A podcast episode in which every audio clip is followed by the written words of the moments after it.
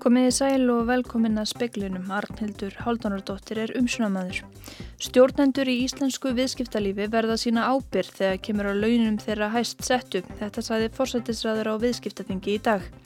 Utanríkisræðunetið hefur byrt aðgerða áallun í 20 liðum um áhrif þess á Ísland gangi Breitland úr Evrópusambandinu án samnings. Þrjú tilbúð bárust í byggingu hús íslenskra fræða og frágang lóðar við Suðurgöt í Reykjavík. Þau voru öll yfir kostnæðaráallun og munaði mest 35%. Samtökinn 78 og aðjúnti í lauruglufræðum við Háskólan og Akureyri hafa líst yfir andstöðu við frumvarp domsmálar á þeirra sem þrengir laga á hvaðum haturskleipi. 30 ár er í dag liðin frá því að klerkastjórnin í Íran gaf út tilskipun um að bresk-indverski rítöfundurinn Salman Rushdie væri rétt dræpur vegna bókarinnar Söngva Satans og vinna borgarinnar því að koma á fót stóðdelt fyrir börn hælisleitenda er afar skamt á vegkomin og margt óljóst. Lægst launuðu hóparnir í samfélaginu get ekki einir borið ábyrð á stöðuleikanum. Þetta var á meðal þess sem Katrín Jakobsdóttir fórsættisráðherra saði í ávarpi sínu á fjölmennu viðskiptaþingi í dag. Í fyrsta lagi mun ég að þetta ræða þá stöðu sem upp er í kjærasamningum og mikilvægi þess að stjórnendur síni ábyrð, ekki síst þegar kemur að launum æðstu stjórnenda.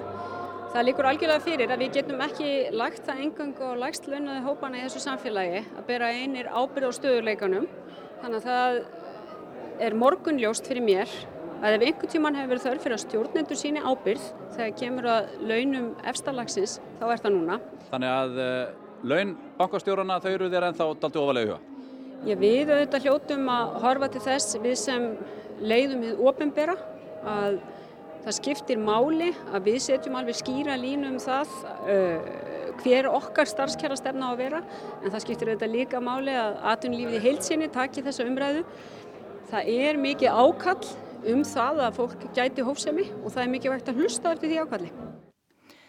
Sagði Katrín Jakobsdóttir í viðtali við Jóhann Bjarnar Kolbinsson. Aðgerða áöttun hefur verið gerð hér á landi um áhrif þess á Ísland gangi Breitland úr Evrópusambandinu án samnings. Hún er í 20 leiðum og unnin af utanrikiðsraðanitinu. Varúðar ráðstafirnar eiga dragur hættu og alvarleiri röskun vegna útgöngu Breitlands án samnings. Hvað varðar markaðs aðgang er ljóst að gildandi samningar milli Íslands og ESB um tollfrelsi, tollívilnanir og tollkvóta fallur gildi gagvar Breitlandi hafa ekki verið samið um annað. Talsverðvinna hefur hins vegar átt sér stað í þessu málaflokki samkvæmt áalluninni.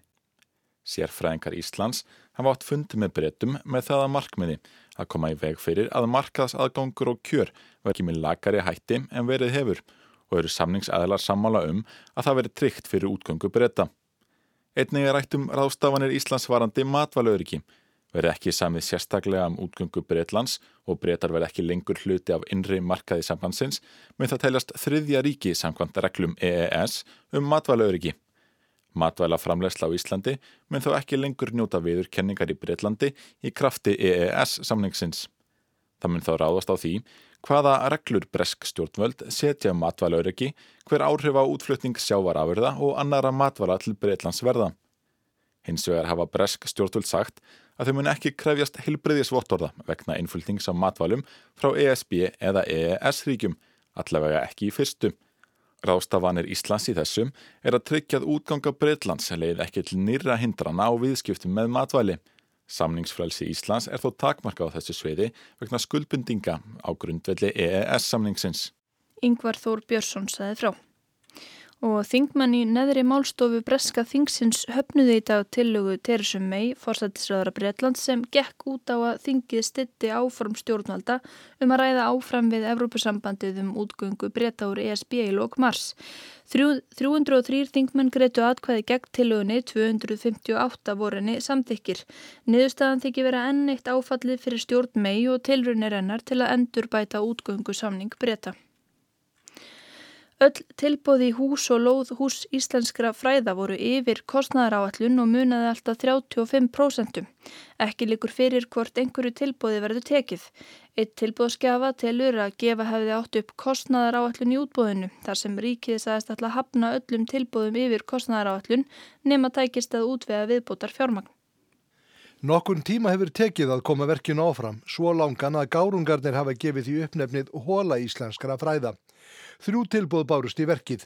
Kostnar áallun hljóðaði upp á rúmlega 3,7 miljardar. Ístak átti lagsta tilbúði 4,4 miljardar sem er leiðilega 20% yfir kostnar áallun. Tilbúð íslenskra aðalvertaka var aðeins herra tæblaði 4,6 miljardar eða rúmlega 22% yfir kostnar áallun og hæsta tilbúðu kom frá eitt, tæblaði 5,1 miljardur eða rúmlega 35% yfir því sem gert var áð fyrir. Þetta þýðir að lagsta tilbúð var hátt í 800 miljónum króna yfir kostnara áallun en hæsta tilbúð 1,3 miljardum. Eitt let bóka þegar tilbúðum voru opnuð að þar sem verkkaupi ætli að hafna öllum tilbúðum yfir kostnar áöllun hefði verið eðlilegt að byrta áöllunina í útbóðsköknum vegna kostnar við tilbúðskerð. Þar vísar eitt vantalegi fyrirvara sem settu var í útbóðskökn um að öllum tilbúðum yfir áöllun verið hafnað nema tækist að útvega það fjármægt sem upp á vandi. Þetta er annarsinn sem þetta verk er bóðið út. Það var síðast gert árið 2013. Þá hljóðaði kostnæðar áallun upp á 2,9 miljardar. Þá eins og nú bárust þrjú tilbóð og öll yfir kostnæðar áallun frá 8 á upp í 25%. Gengi var til samninga við jáverk sem átti lagsta tilbóðið en ekkert varða verkinu og samþýtti alþingi árið 2016 að greiða jáverki 120 miljónir króna í skadabætur þar sem ekkert varða verkinu. Ekki líku fyrir nú hvort verkinu verið frestað aftur. Verið er að fari við tilbóðin sem bárust og verið niðurstaðan send menta á menningamálaráðunetinu sem let bjóða verkið út. Haugur Holmsæði frá. Eirún Eithórsdóttir aðjungt í lauruglufræðum er mótfallin því að þrengja laga ákvæðu um hatursklæpi. Hún furðar sig á því hver lítið er rætt um afleðingar haturstjáningar við endurskoðun laga til að rimka tjáningarfrælsið. Sigriður á Andersen domsmálaráþurra hefur lagt fram frumvarp um að þrengja gildis við laga um haturs áráður. Þannig verði ekki nóg að hæða stað, róbera, smána eða ógna manni eða minnilhutahópi til þess að geta átt fangilsisrefsingu yfir höfði sér. Heldur þurfi að hvetja til eða kynnta undir hatri, ofbeldi eða mismunun svo hátt sem inn varði við lög.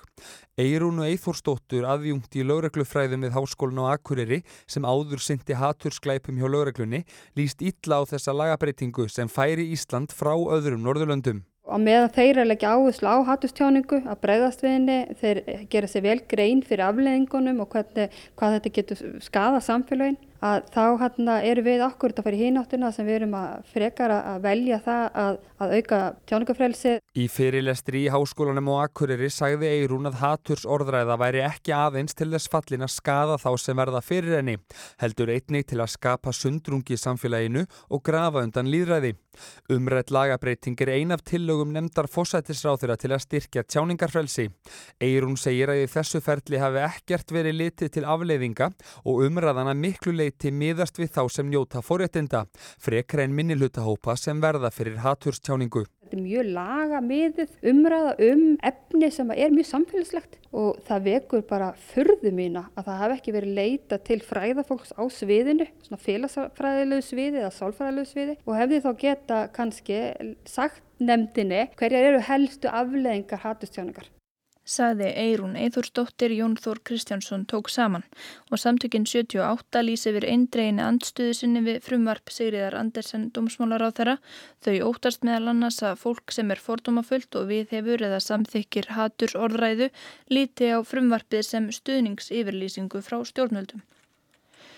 Í dag eru 30 ár síðan Rúholla Khomeini, erkeklerkur aðstur valdamanna í Íran, gaf út tilskipun sem fóli sér dauðadómi yfir bresk-indverska ritthöfundunum Salman Rushdie og öllum þeim sem komið hefðu eða kæmu að útgáfu bókarinnar Söngvar Satans sem fyrst byrtist á prenti 1988. Söngvar Satans var fjörða skálstaga Rústís og örður rítum æfis bámannsins Múhameðs honum að hluta til innblástur að sögunni sem fjallar um tvo menn sem lifða sprengjungi í flugveli við Rarmasundi og samskipti þeirra. Í sögunni eru vísanir í Íslams bámannin og kóranin sem víðavöktu hörðviðbröð og ásakanir um guðlast. Sagan var tilnæmt til búkafverlunina árið 1988 og hlaut vitt breddverlunin sama ár sem besta skálsagan. Víða allir bókin miklu fjarafóki og var sumstaðar bönnuð, tugir letu lífið í mótmælum sem blossuðu upp út af henni. Japanskur þýðandi sögunar var myrtur en norskur útgefandi og ítalskur þýðandi lifðu af mortilraunir. Rösti fekk laurugluvönd og fór huldu höfði í nýju ár. Khomeini tók völdin í Íran eftir byltingana fyrir 40 árum í februar 1979. Hann léstur um um tíu árum síðar, nokkurum mánuðum eftir að hann gaf út tilskipunin á hendur rústi. Ríkis fréttastofa Írans greindi frá því fyrir 13 árum að sá eitt gæti aftur kalla tilskipun sem þessa sem gefið hefði hana út og þar sem kominni væri látin erði hún ávalt í gildi. Kristján Róbert Kristjánsson saði frá og hér var að berast nýfrétt. Suðurlandsvegi hefur verið lokað melli Víkur í Mýrdal og Kirkjubæjar klusturs vegna áræksturs tveggja bifræða. Viðbraðsaðilar er að störfum á vettvangi. Óskað hefur verið aðst, eftir aðstóð þyrlu landhelgis, gæslunar og ljóstera talsverðslís eru á fólki. Frá þessu er greint á Facebook síðu lauruglunar á Suðurlandi sem veitir ekki frekari upplýsingar að sinni.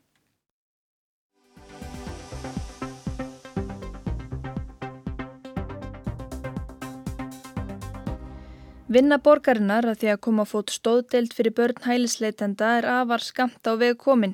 Ekki er víst hvort deildin verður í vogaskóla. Dagbjörn Áspjörsdóttir, verkefnastjóri fjölmenningar hjá grunnskóla skrifstóður Reykjavíkuborgar var fulltrú í starfsóknum sem í haustlaði til að tekir það móti börnum umsækjandum alþjóðlega vernd í sérstakri stóðdeild. Hún hefur áhyggjur af stöðu þessara barna og telur hættara við því að brotið sé á réttindum þeirra í núverandi kerfi en í sérstöku stuðningsúræði. Við kvalera skóla í Hafnarfyrði hefur í tvö ár verið starfrætt sérstök deilt fyrir þennan hóp, Bjarg. Anna Rós Bergstóttir, deildarstjóri, segir að það hafa gefist vel en að það sé að mörgu að higgja. Fyrst og fremst þurfi að skapa börnunum umhverfi þar sem ríki tröst, öryggi og stöðuleiki. Best finnist þenni ef stóðdeildum erði komið upp við fleiri en einn skóla í Reykjavík, bæði til að koma í vekk fyrir að hópanir verða stórir og til að stuðla því að börnin þurfi síður að skiptum skóla eftir að hafa verið við stóðdeildina. Í kvalera skóla í Hafnafyrði eru nemyndur með fjölbreyttan bakgrunn, fánatnir á vegnum í andirinu skipta tugum. Þegar speilin kom þánga var Anna Rós deildarstjóri Bjargs upptekinn við að sinna nemyndunum. Ertu búin að borða? spyr hún stráka á að giska átt ára. Hann kinkar kolli, skilur hvað hún segir þó hann treysti sér kannski ekki til að svara á íslensku, ekki strax. Á Bjargi fá börn hælisleitenda sérstakann stuðning. Deildin hefur verið rekin í tvö ár. Þetta er svolítið nýtt og það var bröðist eh, rætt við hjá Hafnafjörðabæ að fara út í þetta úrræði og það hefur bara lánast vel og þetta hefur verið í þróun hjá okkur. Mart sem að við fundum strax að gengi ekki upp sem að við þá sniðum af þá vankanta og svo er ímislegt sem við erum búin að setja inn líka sem við fundum að var nöðsilegt að gera. Þannig að þróun er búin að eiga sér stað núna og er í raun og veru alltaf í endurskoðun. E, í bjargi eru engungu börn hælisleitenda og það hafa farið um það byrjum 50 börn í gegnum deildina hjá okkur. Fyrsta árið að þá voru börn frá Georgiu, Úkrænu, eh, Makedóniu, Albaníu, eh, flest. Þeim hefur svo flestum verið vísað á landi. Í dag er, er málin aðeins öðruvísi, við erum núna með börn frá Sýrlandi, frá eh, Palestínu og frá Kurdistan, eh, Tyrklandi og Albaníu og það eru svona þessi mál eru öðruvísi heldur en málin voru hér í fyrra. Bönnin eru, uh, já, þau, þetta eru bara þingri mál. Hún segir mikilvægt að fólk átti sig á stöðu þessara barna. Það þurfi að halda mjög vel utanum þau og skipulegja teimistarfi í kringum þau, vinna með skólaskrifstofu, félagsþjónustu, rauðakrossunum og fleirum. Þessi börn eru flesta glíma við áfalla streyturöskun og eru með mjög brotin bakgrunn, uh, brotna skólagöngu, uh, mjög erfiða lífsreynslu og allskins, allskins erfiða reynslu í bakbókanum og uh, það, er, það er þannig að sko, við þurfum að skilja það að, að hvert mál er einstakt fyrir sig.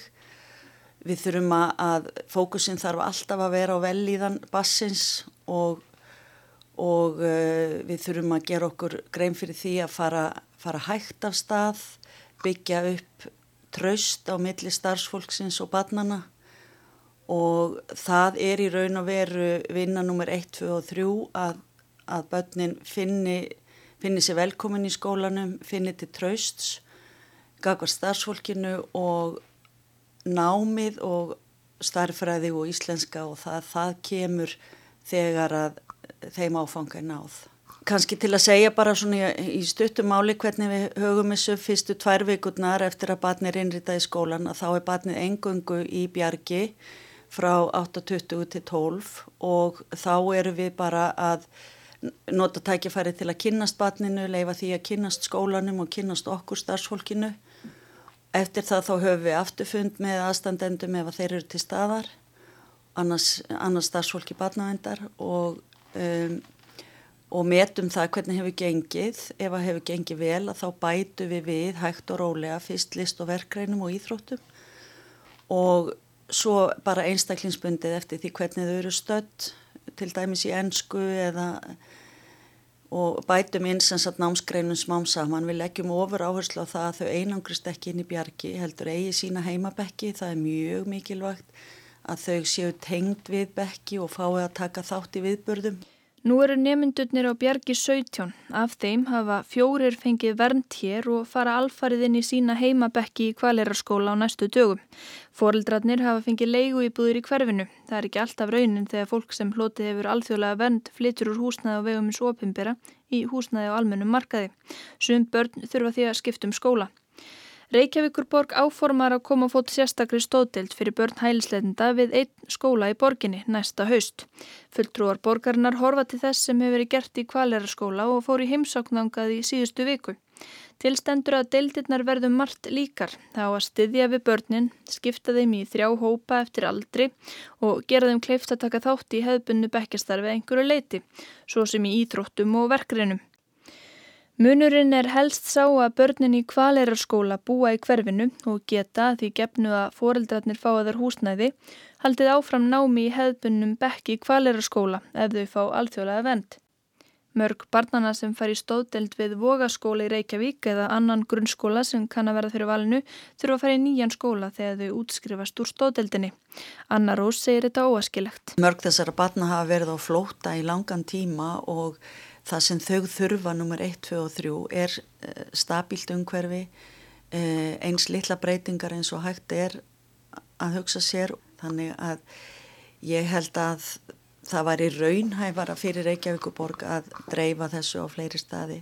Uh, ég hef heyrt að það verið að tala um reynslu kennaranna sem eru til staðar í bóaskóla og það er sannlega gott en ég veit að það er reynsla í mjög mörgum öðrum skólum og svo kemur, kemur reynslan bara með því að takast á við verkefni. Þannig var það hjá okkur.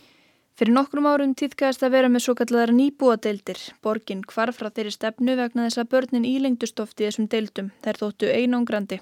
Gert er aðfyrir að börnin nemi við stóðdeildirnar í skamman tíma. Borgin talar um 6-9 mánada hámastíma. Í kvalera skóla eru engin skýr mörg. Þetta ræðist af meðferðartíma mála hjá útlingastofnun og líðan barnsins. En Anna Rós segir reynd að láta þennan tíma vera sem allra styrstan. Önnurós líst vel á áform borgarinnar um að koma upp stóðdelt en hún varar við því að börnin verði höfð í húsnæði sem einni að nota sem frístundamiðstöð en greint var frá því í fréttum gerdagsins að það veri einn kostan á borðinu.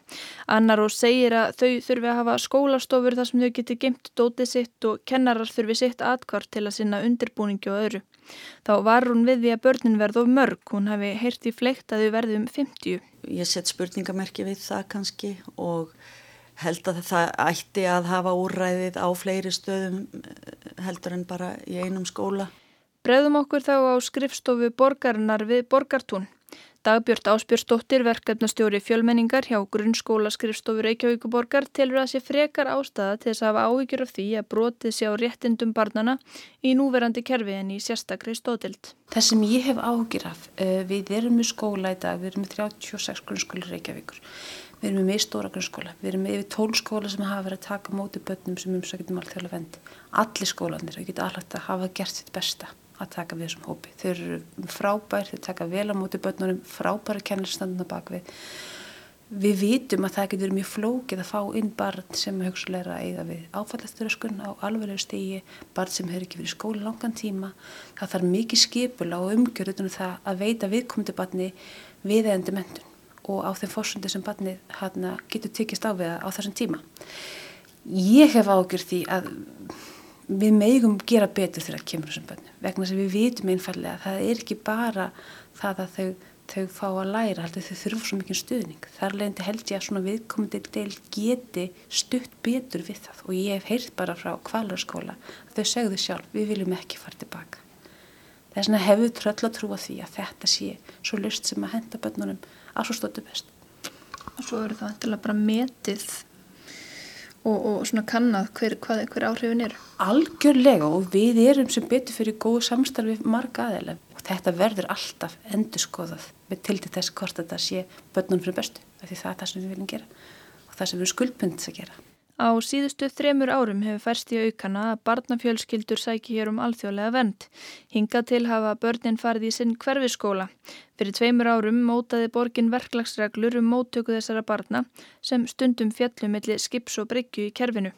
Í fyrra þegar reglurnar voru endurskoðaðar laði starfsópur til að setja þetta fótt sér úrraði fyrir hennan viðkvæma hóp. Hugmyndin með því að hafa sérstaklega deilt fyrir þennan viðkvæma hóp er að til, til að mynda í síðustu vekku fekk ég einn þrjú símtur fór skólum sem er að taka við börnum sem, sem er umsækjum alþjóðlega börn sem er að sína alls konar hegðum vegna áfallistu dröskunar og úrræðin eru oft takmörku hjá okkur. Og þess vegna sjáum við þegar við heimsökjum skóla og kvalarskóla og heimstu skóla á Norrlöndunum það er komið þekking, það er komið ákveðin svona, hvað segja bæði stöðuleiki og þekking og sálfræðast sem er veitt innan þessa, innan þessa kerfis sem aðstofa börni betur Það hefur verið talað um barnasáttmálan, einangrun, mismunun á grundvelli uppruna en Dagbjörn segir stóðdeildina ekki koma til með að standa fyrir þetta.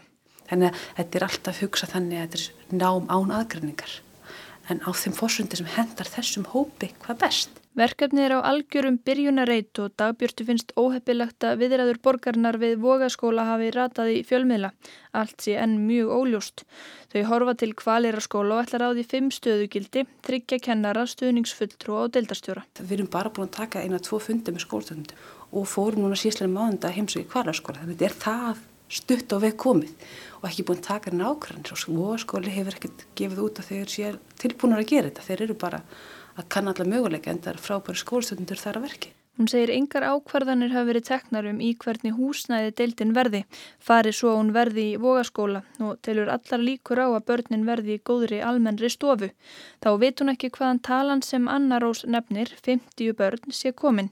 Nú séu aðeins 19 börn hælisleitenda í skólum í Reykjavík. Við erum að horfa fram á það að eins lengi þetta viðmiði sé sirka bátt eins og einn bekkur sem er kringum 20 börn, þá er þetta viðræðilegt að byggja þetta upp sérst yngsta mið og, og ólingasti.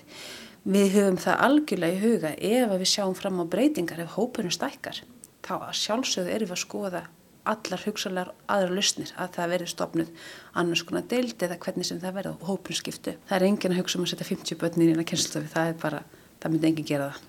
Það hefur verið gaggrind að börnin þurfi jafnvel að fara um langan veg til að komast í skólan. Dagbjörn segir að þau verði ekki á eigin vegum heldur higgist borgin bjóða þeim axtur til og frá skólanum. Hvað var þar gaggrinni önnurósar á að börnin þurfa að skiptum skóla eftir veruna í stóðdeldinni segir Dagbjörn erfitt að koma í veg fyrir það. Eftir að að fengi vernd þurfi fjölskyldur oftast að flytja. Hún bendir líka á þá staðrind að minni hluti barnana færa að vera hér áfram. Þessin hefur áherslan í okkur þegar maður hefur að tala við skóla, maður hefur hitta börnin áherslan er gefum þessum tíma sem börnin er minnstakosti hjá okkur að góðum tíma. Gefum það að þeir finnum fyrir öryggi, þeir fá mentu við hæfi, þeir fá frítíma, þeir tengja stefnaldur sínum og þeir eiga góða stundir. Vonandi fá sér börn stöðu flóttamenn og þau getur verið hana, flotti þáttengundur okkur samfélagi og búið hér áfram. Þegar börn sem fá það ekki, því miður þá þurfum við að sjá eftir þeim, en vonandi getur við að meðanur í hjá okkur að þeim líður vel og eru í öryggum. Það er það sem öll kall eftir. Almennt verði börnin vonandi ekki lengur í deildinni en 2-3 mánuði. Ég veit til þess að útlendingarstofnun er að reyna skipilegja sitt kerfi að umsóknum að fara hraðir í gegn og þannig það leindi helst að bara beinlýs í hendur. Um leið ef á þessum tíma við sjáum að barn sé búin að fá stöðu eftir 6 vikur. Eftir 6 vikur fyrir það barni bara í síðan hverju skóla. Við erum ekki að halda um innliti deild. Það verður aldrei tilgangur. Það þjónur engu tilgangi að því skólanir eiga sín ekkert að teki við við komandi barni og, og stutta á þann hátt sem að eins og önnur börn eiga rétt á. Það sé unniða því að bæta móttökun í heimaskólinum og kerfiðurinnar allt í endurskoðun. Stóðdeildin sé einn þáttur af mörgum þegar koma því að bæta stöðu þessara barna.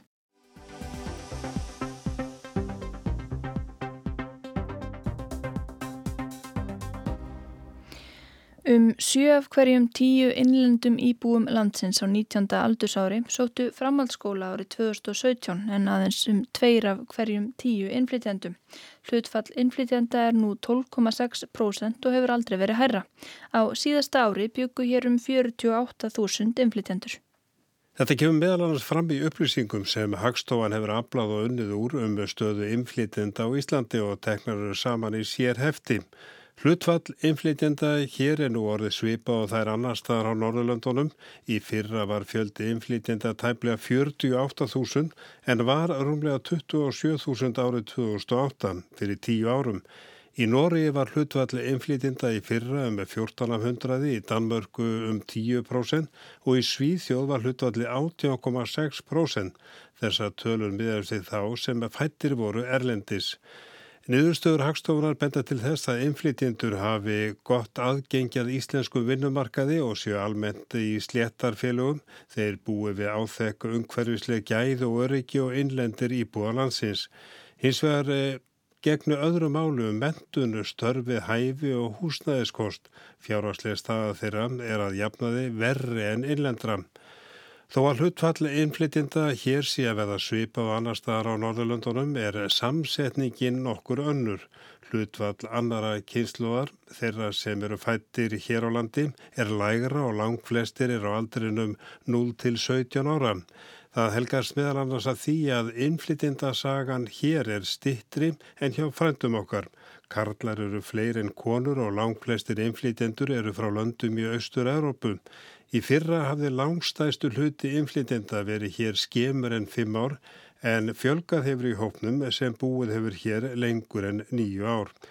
En hvernig lítur fjárhagur inflytjenda út? Sangat hagstofunni var miðgildi heildartekna inflytjenda 2017 4,9 miljónir á ári en 5,2 miljónir hjá þeim innlendum. Það þýðir að munurinn var að jafnaðu með 300.000 krónur. Eignir inflytenda eru tölvöld minn en innlendra. Það gefur kannski auga leið í ljósi þess að þeir hafa búið hér í stuttan tíma. Það segir þó ekki alla söguna því að þótt eignir þeirra inflytenda sem búið hafa hér meirinn nýju ár séu talsveit minni en innlendra. Þá eru skuldir innlendra talsveit meirinn inflytenda. Tölur hagstofunar um skólasókn í framhalskóla benda til þess að brottfallur námi sé meira meðal innflytjenda og færri útskrifist en innlendir. Tveira hverjum tíu innflytjendum voru í framhalskóla á 19. árið 2017 en sjö hverjum tíu innlendum. Svipaða sögur að segja af háskólanámi 2017 var 31% innlendra á 21. ári í háskóla. Sambarilegt hlutfall með innflytjenda var rúm 14%. Flestir inflytjendur koma hinga til að finna og því kemur það kannski ekki óvart að tölur bendi til þess að atvinnu þáttaka þeirra sé meiri en innlendra. Þessum tölum svipar til ástansins í Ísrael, Luxemburg og Ungverilandi þar sem hlutfall starfandi er að mistakosti 7% um herra meðal inflytjenda en innlendra. Murur er þó ekki eins mikill hér á landi. Annar upp á teiningnum í Belgiu, Fraklandi, Danmörku, Hollandi og Svíþjóð þar sem hlutvall starfandi er að mistakosti 10% lægra meðal inflytenda en innlendra. Það kemur heldur ekki óvart að áallega er að fleiri inflytjendur séu ómentaðir fyrir störfin sem er gegna en innlendir. Þó að óvisa séu nákvæmar tölur er algengar að inflytjendur séu á leikumarka en innlendir. Áallega er á tíðanbylnu 2008 til 16 hafi alltaf 53% inflytjenda verið á leikumarkaði. Hlutfallið meðal innlendra hafi eins og verið alltaf 21%. Þá benda tölur til þess að hlutvarslega fleiri inflytjendur búið þröngt Ekki eru til margtakartölur um ástand húsnæðis á árunnu 2008 til 16 hafa bylnu 16 til 27% inflytjenda búið í húsnæði í lélu ástandi, hlutalli meðan innlendra hafi verið frá 15 upp í 20%. Hins vegar eru til margtakartölur um að hlutværslega fleiri inflytjendur hafi búið við íþingjandi húsnæðiskostnað en innlendir. Arnar Páll Haugsson saði frá. Og það er ekki fleira í speiklinum í kvöld, það var Ragnar Gunnarsson sem að sendi út. Veriði sæl.